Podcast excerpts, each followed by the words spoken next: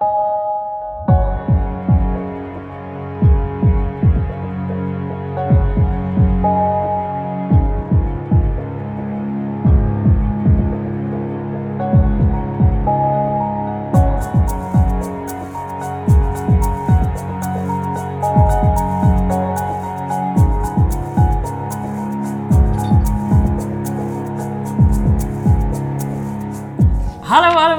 en welkom bij een nieuwe aflevering van Radio Savannah. Ik ben Suzanne Ik ben Lola. en wij zitten hier zoals gebruikelijk in boekwinkel Savannah B, de onafhankelijke boekwinkel in het centrum van Utrecht. Die gespecialiseerd is in feministische literatuur. Dat betekent voor ons zoveel als literatuur op het snijvlak van gender studies, postcolonial studies en queerness. Elke aflevering bespreken wij een boek uit de winkel. Wat is gekozen als een van de boeken van de maand. Boeken die wij vet vinden, die we vinden dat iedereen moet lezen, die meer aandacht verdienen. Of die, eh, zoals het boek van deze aflevering, heel veel aandacht krijgen. Maar die we alsnog in het zonnetje willen zetten. Yes! Ja, het is eigenlijk het boek waar nu eigenlijk iedereen het over heeft. In ieder Ja. geval waar iedereen in de winkel naar komt vragen. En dat is De Avond is Ongemak van Marieke Lucas Reineveld. Woep. Yay, Nederlands trots. oh, Internationale bestseller. I know, I know. We, vanaf nu altijd in Amerika geïntroduceerd als award-winning Dutch author. Marieke Lucas Reineveld. Uit ons eigen Utrecht. Ja, helemaal leuk. Dus Utrechts trots eigenlijk. Ja. We bespreken, zoals gezegd, de avond is ongemak vandaag.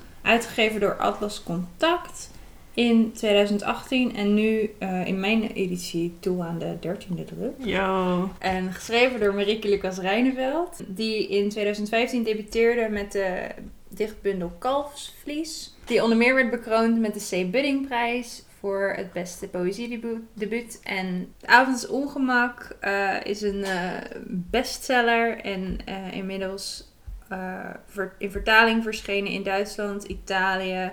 En het komt nog in allerlei andere Mm. talen uit. En voor de Engelse vertaling, The Discomfort of Evening, Ja. vertaald door Michelle Hutchison, eh, heeft Marieke Lucas nu dus de International Booker Prize gewonnen. Ja, echt hè? Zo cool. Heel vet. Ja. Echt heel leuk.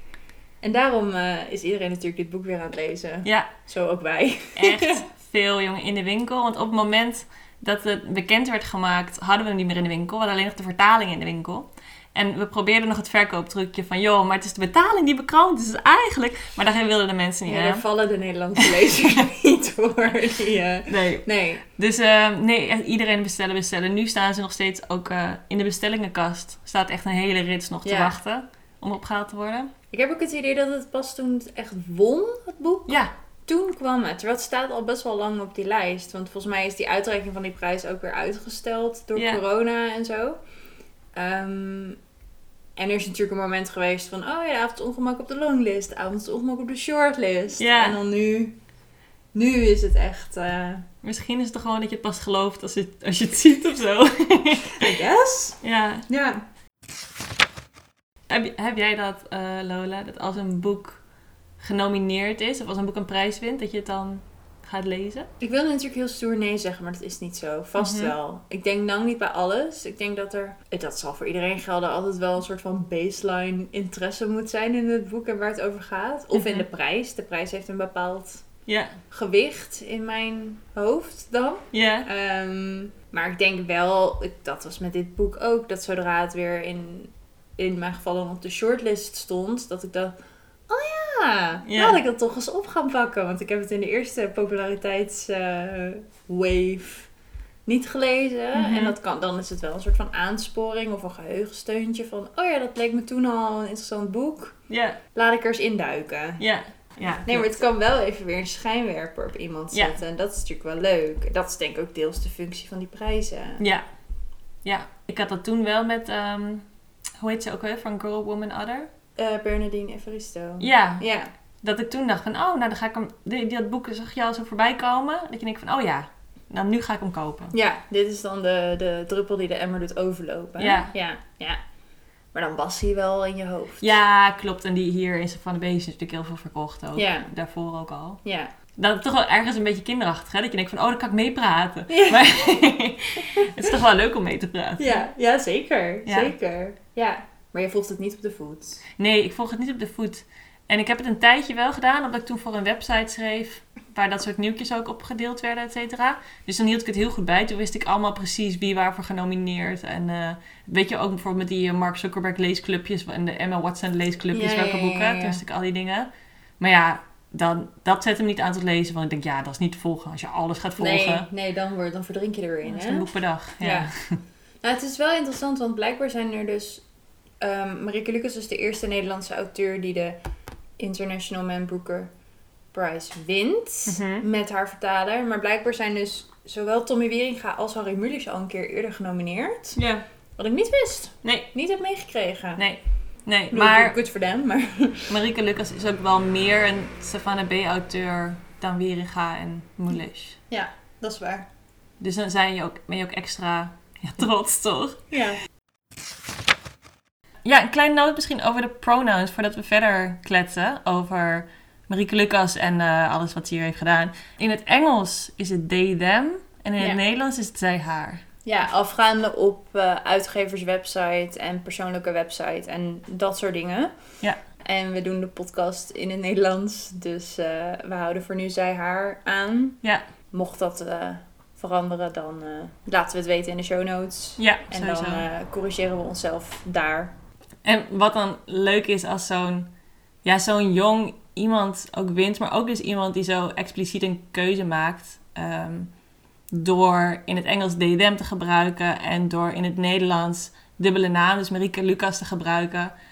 eh, past het toch ook weer in een soort van gesprek wat gaande is en wat steeds wat makkelijker te houden is met heel veel verschillende mensen. Ik heb al een paar keer eh, gehad dat het inderdaad, al, al is het maar als een soort ehm, touching stone, waar je even op kan gaan van dat je een voorbeeld hebt als het gaat over bijvoorbeeld mensen met non-binaire voornamen. Dat je weet je wel zoals Marieke Lucas Rijneveld. Oh ja, natuurlijk. Oh ja, dat je even. Ja, die was tafelmens Ja. bij De Wereld Draait Door. En eh, ja. Ja, inderdaad. En Ja. als zo iemand dat, dat trouwens mooi is, zo'n jong iemand dat met zoveel zelfvertrouwen en gewoon ja, een soort ehm vanzelfsprekendheid inderdaad eh, op grote eh, publieke platforms naar buiten kan brengen en daar gewoon zeg maar, nor- genormaliseerd wordt, ja gangbaar ja, wordt gemaakt. Ja. Dat is ook gewoon, gewoon een heel leuk deel van deze prijs. En dat is natuurlijk helemaal niet... Deze prijs wint ze natuurlijk om de kwaliteit van haar werk, et cetera. Ja. Dit is een kleine bijkomstigheid. Die ik toch even wilde noemen, omdat het wel leuk is. Ja. Dan, eh, dan het boek. De avond is ongemak. Deze prijs is natuurlijk eigenlijk gewonnen voor de vertaling. The Discomfort of Evening. Eh, wij hebben heel, ehm, nou, koppig. Slash eh, makkelijk misschien zelfs. eh, gewoon de Nederlandse versie gelezen. Eh, dus de originele is ongemak. Het boek gaat over Jas. Ons hoofdpersonage die tien is als het boek begint. En Jas groeit op ergens, ja, ik dacht Groningen, Friesland. Ik weet niet Ja. zeker of ik dat heb verzonnen. Maar in elk geval op het Nederlandse platteland. In een, eh, op een boerderij en eh, in een gezin met vier kinderen in totaal. Ja, in een klein dorp, ver weg van grote steden, van eh, eigenlijk alles en iedereen. Mhm. Het gezin lijkt vrij afgesloten te zijn van de rest van de gemeenschap. En een soort van catalyst waarmee het boek in gang wordt gezet, is dat Jas oudste broer, Mathies, overlijdt. Ja. En Jas die denkt dat dat door haar komt. Doordat zij bang is dat haar konijn Diewertje, vernoemd naar Diewertje Blok, Hm. op de, op de kersttafel gaat belanden. En dan zegt zij, eh, zij komt uit een heel religieus, het is heel religieus.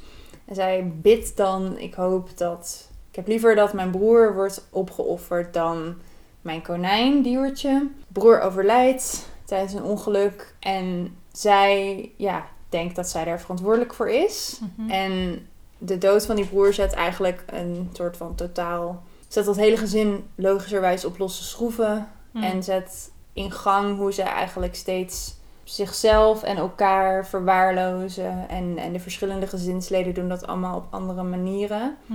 Maar slaan eigenlijk langzamerhand steeds verder door in hun rouw en afstand tot elkaar. Ja, isolatie. Isolatie, vreedheid naar zichzelf en anderen. Ja. Ja, dat is de plot van het boek. Ja, kan er niks, niet heel veel vrolijkers van maken, Nee. het is geen vrolijk boek. Nee, nee. Nee, en er zitten ook eh, toch een soort van content warning. Ja. Wat heftige dingen in. Ik weet niet hoeveel we ervan gaan bespreken. Mhm.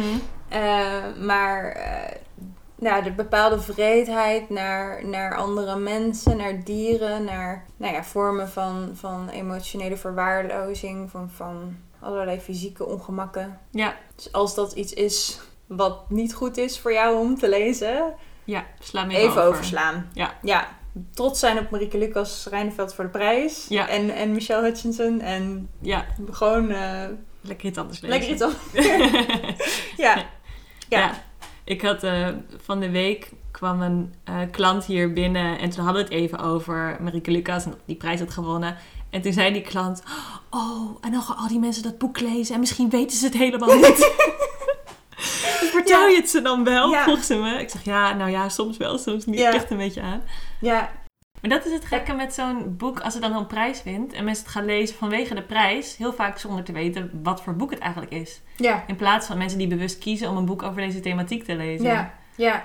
Ja. Ja, je wordt echt wel in een, in een ehm, bij vlagen echt gruwelijke wereld ondergedompeld. Ja. En een beklemmende wereld en een... eh, Ja, nee, maar dat, ja, dat is het ook wel, wel echt. En het gaat ook zo heel duidelijk over dat verdriet en de isolatie die daarbij komt. En de verschillende gezinsleden raken elkaar volledig kwijt. ja. Kunnen helemaal Ja. niet daarin delen, kunnen geen troost bij elkaar vinden, kunnen elkaar niet ondersteunen. Ehm, Ja, maar ze kunnen nergens heen. Al deze personages die verliezen zichzelf en elkaar helemaal in hun verdriet. En niemand praat ergens over. ja, Alles klapt naar binnen. Iedereen weet dat het niet goed gaat. ja, Want dat is, doe niet alsof alles oké is. Dat, Nee. dat lukt niet. Daar is de, de situatie te, te onhoudbaar voor. mhm. Maar niemand zegt, ook niet van andere dorpsgenoten of zo die sporadisch Nee. voorbij vliegen. Goh, misschien moeten jullie een keer eh, naar een therapeut. ja, Of goh, hoe voel je je nou eigenlijk? Of goh, ja, hoe gaat het? ja. Niks. Ja, en wat het extra schrijnend maakt, is de verteller is dus Jas, die een klein meisje is. Ja, Tien jaar geloof ik, hè? ja, ja, in het begin wel. En je ziet dus heel erg vanuit het kindperspectief een meisje dat zich verantwoordelijk voelt voor het verdriet van haar ouders. Ja, Wat het extra schrijnend maakt. ja, Die ouders die een extra soort van beroep doen op een andere kinderen die dan maar zo perfect mogelijk willen zijn. Om iets van het verdriet weg te nemen. En mama eet niet meer. En papa en mama kussen elkaar niet meer. Eh, en hebben geen seks meer. Heel expliciet. Het is een hele plotline in dit boek. ja. Dat de ouders Ja. geen seks meer hebben. ja. En wat, hoe een kind dat dan, dat dan ziet en daar betekenis aan geeft. En ook het idee dat dat haar schuld is. Net als dat de dood van die broer in eerste instantie al deels haar schuld is. Dat ze dat zo ervaart. Dat al deze subsequent ontwikkelingen ook haar schuld zijn. Ja, en het totale onvermogen om het te begrijpen. Ja, Want zij kan als kind niet de onderlinge relatie tussen haar ouders volledig begrijpen als tienjarige. En als lezer soms deels wel. Dan noemt zij dingen en dan denk je, oh, dus zo zit dat. Maar dat Ja. registreert zij dan niet. En dat kan natuurlijk nooit. Nee. Een tienjarig kind gaat dit nooit allemaal op kunnen lossen. nee. En ik moest er aan denken, omdat kort geleden namen we de aflevering op over eh, Ellie Smith, Zomer. En daar zit ook, eh, voor een groot deel van het boek, hebben we een kindperspectief. En toen hebben we het nog gehad over dat het zo'n eh, soort van nieuwsgierige, speelse vorm geeft. Dat Ellie Smith zoveel schrijft over ontdekken en spelenderwijs en vragen stellen, dingen bevragen die normaal lijken, et cetera. En dat dat zo'n lichte, hartverwarmende eh, toon aan het boek geeft. En in dit boek, vanuit een heel andere thematiek natuurlijk, is het effect ook heel anders. Is het juist extra tragisch en extra bezwarend, omdat dit kind niet de ruimte heeft om dat kind te zijn, maar echt de verantwoordelijkheden van een volwassene op de schouders voelt, die ze helemaal niet aan kan nee. natuurlijk. En dat dus gaat, gaat kanaliseren in allemaal ander gedrag. Maar ik denk wel dat het boek dat deels wel houdt. Dat dat het ook wel indrukwekkend maakt. Hmm. Dat nieuwsgierigheid of, of verbanden leggen of dingen bevragen waarvan ik als volwassen lezer denk, ah, of, huh, Ja. of zo. Waar je dan toch even op, op een andere voet wordt gezet. Ja. En inderdaad wel in een context die veel... Alles is ondergedompeld in die rouw. Mhm. En wat bij het verhaal van Ellie Smith niet Nee. de context is. Nee. Dus daar krijgt het een hele andere lading door. Maar er zitten wel bepaalde observaties in en bepaalde eh, connecties. En dat een, een konijn dan wordt genoemd naar Diewertje Blok van het Sinterklaasjournaal. omdat dat zo'n zo'n ankerpunt is voor een kind van, van tien. Ja. Dat is echt een, dat is echt een kindding. Ja, klopt. Klopt. Oh, ik heb trouwens ik heb het boek geluisterd in plaats van gelezen. En het wordt voorgelezen door Diewertje Blok. Zo leuk. En dat was, ik vond dat zo, ik zag het ook helemaal voor me dat Diewertje Blok sp- speelt dus een soort van bijrol in het boek, omdat Jas eh, een soort van verliefd is op Diewertje Blok. Dus het is symbolisch, is zij dus een soort van ankerpunt. Maar ze is ook een soort van eerste, ze heet de, de krullenmevrouw van het Sinterklaasjournaal. Ja. Ook een soort van eerste, een soort van oeh, een soort verliefdheidje Ja, of zo naar haar toe. En Diewertje Blok zit dat dan voor te lezen in de studio. Maar het is wel wat je zegt, dat, dat kindperspectief geeft ook hier wel weer bepaalde inzichten. En ik denk met name omdat die jas heeft zo'n kleine wereld waar ze in leeft. Dat die familie sowieso, maar zij dan als kind binnen de familie al helemaal. Dat alles wat zij kent is zeg maar de boerderij en een beetje school. En dat is alles. Ja. Dus waar ze tegenaan loopt, eh, begrijpt ze in termen van hoe het bij de koeien zit. Of hoe dat met stro, of met eh, mest, of met vliegen, of met de zolder. Alles, omdat haar belevingswereld zo, of omdat haar ervaringswereld zo klein is, wordt Ja. haar belevingswereld ook zo klein. En dat is wel, ook omdat het een context is die ik niet per se heel goed ken, eh, geeft het in die zin wel eh, beelden. Ja, ze gaat als haar, haar broer overlijdt, dit is heel erg aan het begin van het boek, overlijdt vlak voor kerst. En dan eh, hebben ze net de kerstboom opgetuigd, hij overlijdt en dan moet de kerstboom weg. En dan doen ze gewoon even een jaar niet aan kerst. En dan heeft ze het over, ehm, over onder andere over de rollade die ze dan zouden hebben. En, en over het rollade touw, wat dan om de rollade moet. Ja, ja, is dat hoe rollade werkt? Ehm, en, dan, en dan zit ze dus midden nog in de soort van eerste momenten van na het overlijden van die broer. En dan zegt ze: We hadden touw om onze lichamen kunnen binden, zodat we niet in plakjes uiteen zouden vallen. Mm. Later dacht ik wel eens dat hier de leegte begon. Dat het niet de schuld was van de dood, maar van de twee kerstdagen die in pannen en lege huzaren saladedoosjes werden weggegeven. Dat ze dus aan de ene kant die, die leegte registreert. Want dat snap je gewoon als kind. Mhm. Maar daar dan context aan kan geven door dus dingen als rollade touw en huzarensalade. Want dat is wat zij kent. Ze gaat het niet hebben over palmbomen of over, I don't know, eh, de metro. Want dat kent ze niet. Ja, nee, en dat is, dat is deels wat de, wat de verteller doet, bij Jas doet, maar ook wat Marika Lucas doet door dit boek heen. Zeg maar binnen de beeldspraak van het hele boek blijft dat ook zeg maar de, de context.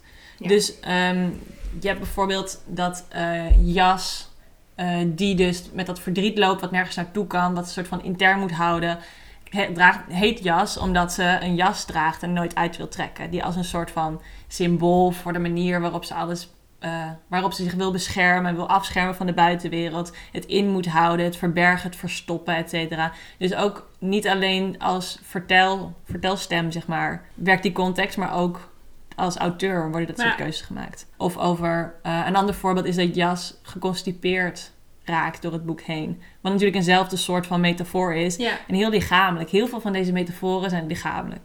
En heel vaak is het lichaam niet zo eh, plezierig. Nee, tenminste- Nee, heel... eh, Ja, vies gewoon. Ja, het is gewoon best vies af en toe. Het Maar is- ook expres een beetje ja, viezig. ja, Dus het wordt niet met hele soort van bloemige taal allemaal... Om, gewoon, ja, nee. het is zijn echt gewoon poep en snot en korstjes en... eh, Ja. ja. aangekoekte. En ook, weet je, de, de, de, de vel dat op de verse melk zit. Ja, weet je wel. eh, oeh. allemaal super vieze dingen. ja. Maar wel beelden. Ja. Ik weet niet of je die beelden beeld, maar het zijn wel beelden. Ja. Dit zijn wel heel effectieve beelden. Ja, kan er niet omheen. Nee, Nee. dat is, dat is sowieso met dit boek wel. Ja. Je kan er niet omheen. Ja, wat dat betreft word je er echt heel erg in meegesleept. En Mm. ik denk juist ook door die beelden. En ik denk, dit is niet... Ik herken niet, zeg maar, de context waar zij in opgroeit. Mm. Ik ben zelf niet op het platteland in een dorp opgegroeid. Dus, dus het, hele, het hele boerenaspect eh, herken ik niet uit mijn eigen leven. Maar wel dus echt van die beelden, dingen als boterham, worst, lingo zit erin. Diewertje Blok is natuurlijk een belangrijk iemand. En Huzarensalade. Huzarensalade.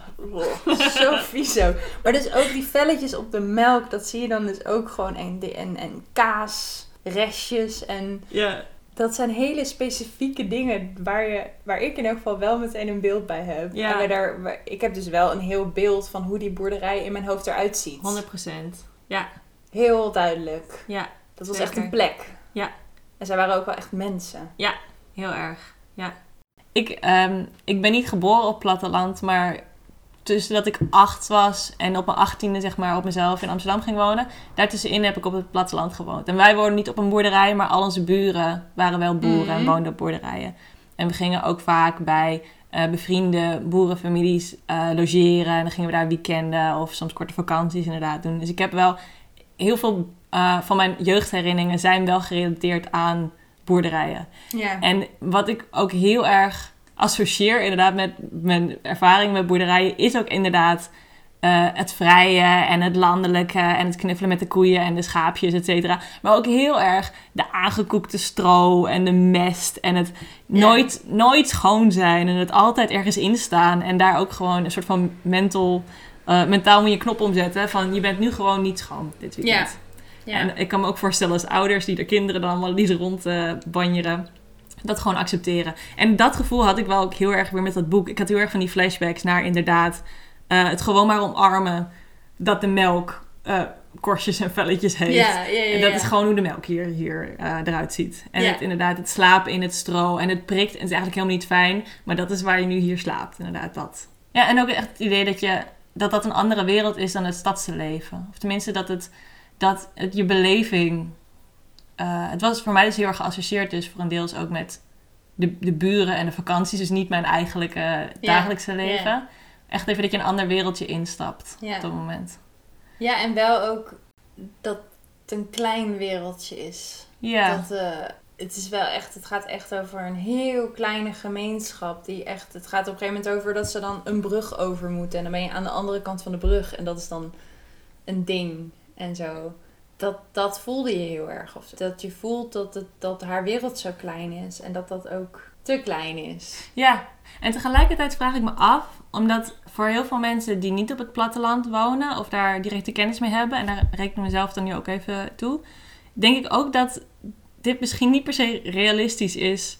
eh, dat we dit beeld van het platteland ook veel hebben uit media. En uit- met name uit boeken, denk ik. Ja, misschien wel. Want ik kan me best voorstellen dat mensen met een boerderij of die in de veehandel bijvoorbeeld werken, dat die, al is het maar noodzakelijkerwijs, professioneel gezien, heel veel contacten hebben met allemaal Ja. verschillende En dat je dat gewoon- internationale ja, systemen. Ja, dat je dat gewoon als kind natuurlijk niet zo Ja. ziet. Want zij zit wel echt op de leeftijd. Het Er verstrijkt denk ik ongeveer een jaar. Ja. Of zo, een paar, eh, zo negen maanden of zo, zoiets. Ja, op een gegeven moment wordt het weer Sinterklaastijd. Ja, dus Ja. zeggen er ongeveer een jaar. En dus dan is ze 10 à 11. En dat is wel echt de leeftijd waarop ik me voor kan stellen dat eh, zo'n kleine wereld te klein wordt. Ja. En dat ze ook, ze be- begint ook echt het, eh, de religie en het soort van ogenschijnlijke rotsvaste geloof wat haar ouders in God hebben te bevragen. En te denken, ja maar wacht eens even, wat doet die God allemaal voor mij als dit, dit en dit kan gebeuren? Ja, En ik denk dat dat misschien ook is waarom het klein voelt. Omdat het personage Jas het klein begint te vinden. Ja. En beklemmend begint te vinden. Ja. Wij lezen dit boek nu omdat het een eh, prijs heeft gewonnen. En die prijs heeft Marieke Lucas niet alleen gewonnen, maar samen met de vertaler van het boek, Michelle Hutchinson. Zij heeft eh, van alles vertaald. En ze is, eh, vertaalde onder andere An American Princess van Annette van der Zijl. Eh, de Amerikaanse prinses. En Mona in Three Acts van Griet Op de Beek. De Engelse vertaling van Kom hier dat ik u kus. En ze vertaalde Seaweed, boek van Miek Zwamborn. Eh, in het Nederlands heet dat boek Wieren. yes. En nu dus Marieke Lucas. Eh, met veel succes. Ja. En wat wel interessant is, dat veel van de soort van media coverage van deze winst van de prijs highlight hoe knap het is dat zij dit boek heeft vertaald, omdat het een heel Nederlands boek is. Ja. Wat je denk ik op meerdere manieren kunt interpreteren. Mhm. En wat op het gebied van taal, denk ik, in eerste instantie heel duidelijk is door mensen als Diewertje Blok als belangrijk eh, personage. En Diewertje Blok is dan presentatrice van het Sinterklaasjournaal. Ja, Eh, hoe ga je dat hoe ga je uitleggen? dat uitleggen? Überhaupt Waar- Sinterklaas? Ja, überhaupt Sinterklaas. Dan het feit dat daar een heel tv-programma aan gewijd was. En dat dat dan gepresenteerd wordt door iemand die Diewertje Blok heet en die krullen heeft. Ja, Nou, zo, daar zit het boek vol mee. Met, met Diewertje Blok en Huzarensalade. En ja. En inderdaad die implicaties bijvoorbeeld van het Sinterklaasjournaal als een soort van, een soort van stapel van een kinderjaar. ja, Van op een Ja. gegeven moment begint het Sinterklaasjournaal weer. En dat betekent dat er een bepaald seizoen is aangebroken. Dat het eindelijk culmineert in cadeautjes en surprises, et Ja. cetera. Ja, waar, waar te beginnen? geen idee. Ik ook niet. Wij zijn allebei geen vertalers. Nee. Het mogen duidelijk zijn.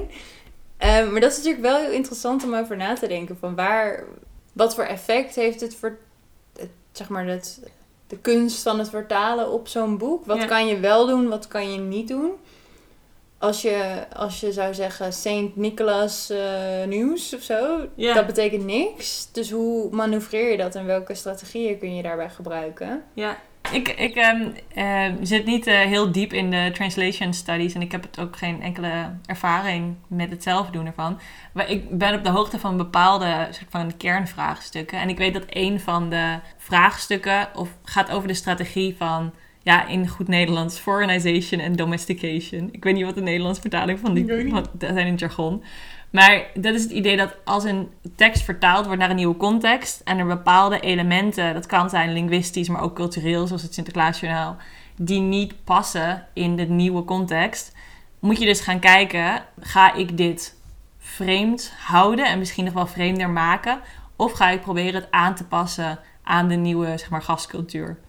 En daar zijn heel veel verschillende eh, discussies over gevoerd. En er is voor allebei wat te zeggen. Dus als je ehm, bijvoorbeeld een eh, tekst hebt, bijvoorbeeld van heel lang geleden, van 300 jaar geleden, die vertaald wordt naar het nu, zou je ervoor kunnen kiezen om bepaalde woorden of bepaalde technologieën bijvoorbeeld te introduceren. Of bijvoorbeeld als je weet, laten we zeggen in een andere cultuur wordt een bepaalde eh, slang gebruikt, of een bepaalde straattaal of een bepaalde dialect.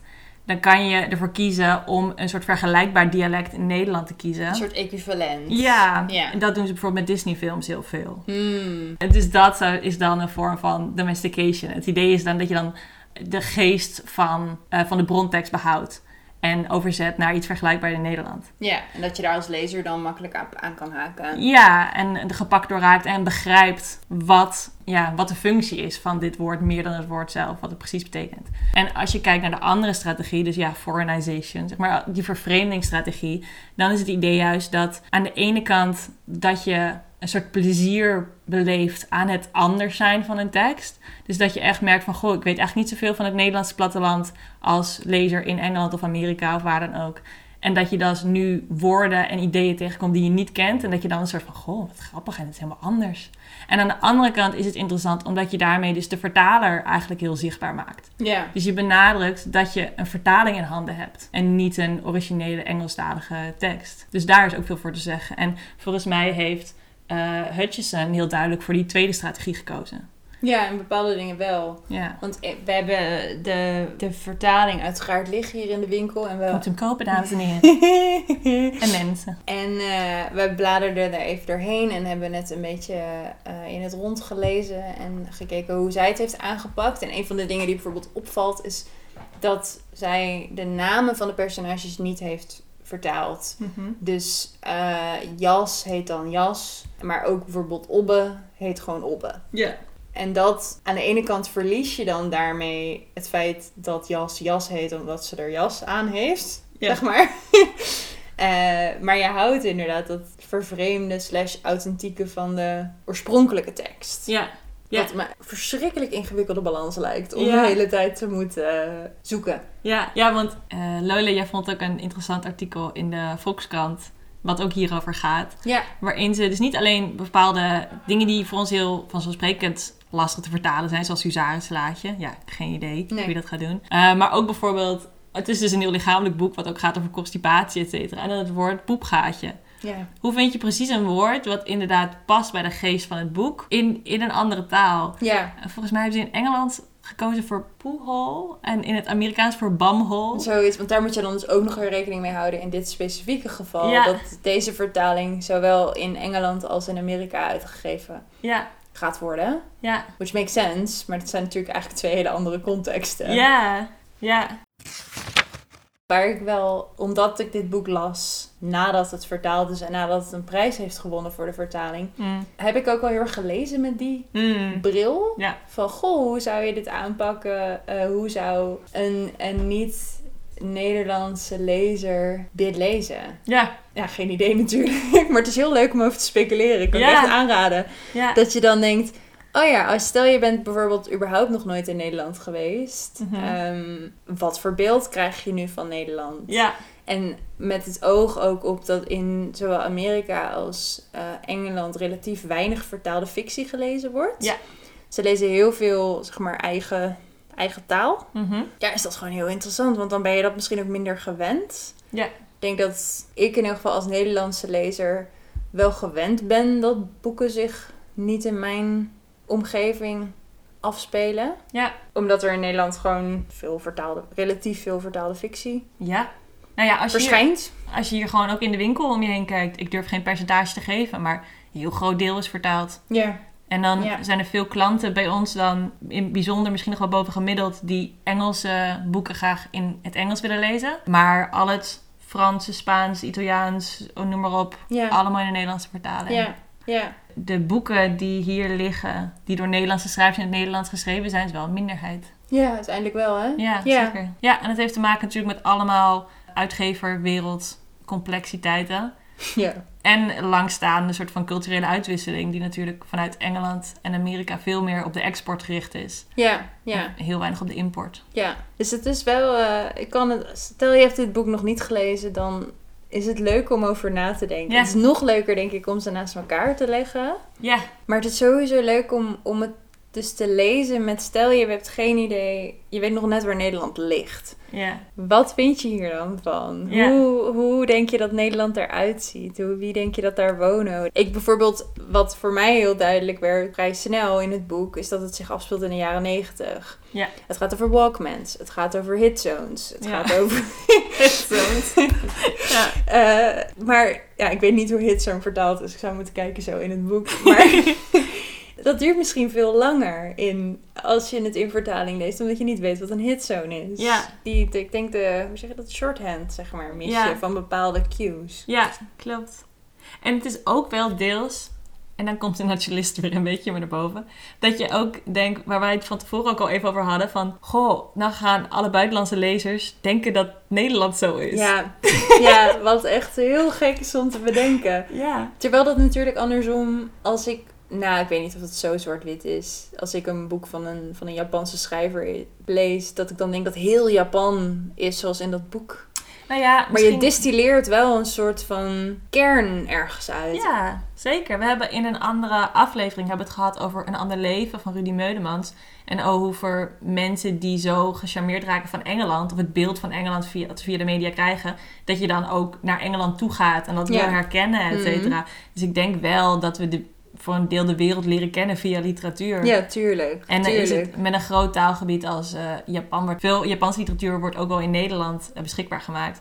Maar als ik een. Ik heb bijvoorbeeld volgens mij nog nooit een boek uit Wit-Rusland gelezen. Als ik dan nu één boek over Wit-Rusland lees, ja, dan is dat mijn beeld van Wit-Rusland. Ja, ja. En- Zouden er dan ook mensen naar Nederland gaan komen en dan op zoek naar het Nederland van de aanvond ongemak? Oh, dat zou het zijn. Het platteland. en zo van voorbij de keukenhof en dan, eh, Ja. En dan, en dan door. en dan naar een, eh, naar een vee-stapelboerderij. ja, dat is gek om te bedenken. Wel heel leuk ook. Ja. Maar, Maar ook wel omdat zelfs, kijk, wij zijn geboren en getogen Nederlanders. Maar voor mij voelt dit boek dus ook heel Nederlands. ja. Heel, maar en dat, Hollands eigenlijk. Het is niet het juiste woord, maar ik bedoel, eh, een soort van oud-Nederlands, een soort traditioneel Nederland. Ja. Het voelde, het- dit lezen voelde voor mij echt een beetje als het lezen voor de lijst, zeg maar, van die, de, de klassieke Nederlandse schrijvers die je meekrijgt op de middelbare school. En als je echt zo'n echt zo'n Nederlands boek. Ja, heel erg dat kleine, beetje introspectie, ehm, platteland, uh, slechte onderlinge communicatie. Ja. Eh, het is een, ik denk een, een boek wat qua stijl misschien overdadiger is dan veel Nederlandse literatuur. Het is niet sober, zeg maar, dat wil ik zeggen. Wat, wat, ook wel, wat ik ook wel heel erg associeer met, met Mm. Nederlandse literatuur. Maar wel qua, qua setting en qua thema's. Eh, want het gaat dus ook heel erg over religie. En met name over de gereformeerde gemeenschap hier. En die komen er ook altijd zo slecht van af in Nederlandse literatuur. Ja, Ik heb het idee dat de enige keren dat het eh, religie, en met name christelijke religie, een thema is in Nederlandse literatuur, dan is het in deze rol. ja als onderdrukkend en verstikkend. Ja, en, inderdaad. ja, het voelt ook wel heel erg alsof het in een bepaalde traditie stapt Ja. in de Nederlandse literatuur. Waar de, de vergelijkingen met Jan Wolkers wordt door iedereen gemaakt, inclusief Marieke Lucas zelf. Maar ook ja, dat, dat soort boeken. Ik denk wel, ja, de Gerbrand Bakkers, de, Hmm. En dan niet per se qua stijl, maar gewoon de, de thematiek en Ja. zo. Dus de, de, de Jan Siebelings, de... Ja, de wereld die gepresenteerd wordt. Ja, ja. Voordat we afsluiten, wilden wij nog heel even een kleine claim leggen. Eh Marieke Lucas is natuurlijk Nederlands trots en ook een beetje Utrechts trots. Maar ze is ook een beetje van de Beest trots. Ze is hier ooit nog, vroeger vroeger, toen ze dit boek aan het schrijven was, in de winkel geweest om haar eerste hoofdstuk uit wat toen nog niet haar afgeronde boek was, eh, voor te lezen aan een eh, mooie groep Savannah B mensen. Dus toen dachten we, ter ere van die gelegenheid en een klein beetje onze vlag te planten, lezen we nog even de eerste bladzijde uit dat hoofdstuk wat ze toen hier heeft voorgelezen. Dan krijg je een beetje een feel. Feel voor een boek. Yes. Oké, komt-ie. Ik was tien jaar en deed mijn jas niet meer uit. Die ochtend smeerde moeder ons één voor één in met uierzalf tegen de vrieskou. Die kwam met een geel blik van Bogena en werd normaal gesproken alleen gebruikt tegen kloven, eeltringen en bloemkoolachtige knobbeltjes op de spenen van de melkkoeien. De deksel van het blik was zo vettig dat je hem er alleen met een theedoek af kon draaien. Het rook naar gaar gestoofd uierbord. Dat in dikke sneden besprenkeld met zout en peper wel eens in, in een pan met bouillon op het fornuis stond en waar ik van gruwelde. Net als van de stinkende zalf op mijn huid. Toch zette moeder haar dikke vingers in ons gezicht als in een kaas waar ze aan voelde en op klopte om te kijken of de korst aan het rijpen was. Onze bleke wangen glommen in het licht van het keukenpeertje dat onder de vliegenkak zat. Er moest al jaren een lampenkap komen, een mooie met bloemen. Maar als we er in het dorp een zagen, wilde moeder nog wat verder kijken. Dat deed ze nu al drie jaar. Die morgen, twee dagen voor kerst, bleef ik haar vettige duimen in mijn oogkassen voelen. En even was ik bang geweest dat ze te hard zou duwen. Dat mijn oogballen als knikkers naar binnen zouden rollen. Dat ze zou zeggen: Dat komt er nou van als je altijd zo afdwaalt en nooit eens je blik op stil houdt, zoals een goede gelovige doet, die opkijkt naar God alsof de hemel ieder moment kan openbreken. Hey Lola, er komen nu al heel veel mensen eh, naar dit boek vragen in de winkel. Omdat dit nieuws is, prijs gewonnen, et cetera. Maar stel je voor, je geeft niks om prijzen. je hebt daar helemaal geen boodschap aan. Aan wie zou je dit boek aanraden? Ik zou sowieso tegen de mensen zeggen die misschien nog twijfelen of ze het boek moeten lezen, wel gewoon doen. Grijp deze kans gewoon aan die er nu is. Eh, en dan kan je lekker meebabbelen. Dus dat, dat zou ik sowieso zeggen. Van goh, als je twijfelde of denkt, oh, het is het boek veel in het nieuws. Gewoon lezen. en ik zou dit boek aanraden aan mensen die poëzie lezen. Ik denk dat het een boek is waar je voelt tot op zekere hoogte dat Marieke Lucas dichter is ook. In dit boek, er zit veel beeldspraak in, veel lange zinnen waar je als je wil op kunt kouwen. En het is een boek wat denk ik ook wel gebaat is bij het even wegleggen, even laten bezinken. Net zoals je een gedicht soms eventjes moet, nou ja, een paar keer rond moet laten gaan in je hoofd. Nog weer een keertje terug moet lezen. Dus als je van, van poëzie houdt en van de, wat je daaruit kunt halen en hoe je dat kunt lezen, dan eh, is dit misschien een roman om een keer te proberen. Hey Suzanne, wie zou jij dit boek aanraden? Ja, ik zit te denken aan een klant, maar dit is wel echt een heel niche categorie. Maar je, er zijn heel veel mensen in Nederland, heel veel lezers in Nederland, die geremd zijn in hun leesontwikkeling door de beruchte eh, leeslijst op de middelbare school. Eh, getraumatiseerd is een groot woord, maar die echt even het leesplezier zijn verloren toen en later weer terug zijn gekomen naar de literatuur via hun eigen weg. En ik zat te denken, misschien is dit wel een mooie manier om weer even terug te komen bij de Nederlandse literatuur. Ja, Dus als je nou misschien sinds de mid- middelbare school al heel bewust en heel rancuneus geen Nederlandse boeken meer leest, is dit misschien wel weer een mooi moment om even terug te komen en vanuit de plek waar je nu dan ook bent in je leven, weer even kennis te maken met Nederlandse literatuur en hoeveel daarin zit eh, en wat je daar nu uit kan halen. Dit was het alweer voor deze aflevering van Radio. Oh. Mocht je de avond is ongemak of de discomfort of evening Mm. nog niet in je bezit hebben en nu denken, nou, dit is, als er ooit een moment is voor dit boek, dan is het nu. Ehm, dan kun je hem in de winkel kopen. Ja. We hebben hem weer, zowel in het Nederlands als in het Engels. Je kunt, hem, je kunt ervoor langskomen, je kunt ons even bellen, leggen we hem apart. Hij, er kan nog gefietscourierd worden, hij kan via de webshop besteld worden. We kunnen hem opsturen naar eigenlijk geen enkel excuus om het nu niet te Nee, doen. nee, nee, we doen alles voor je.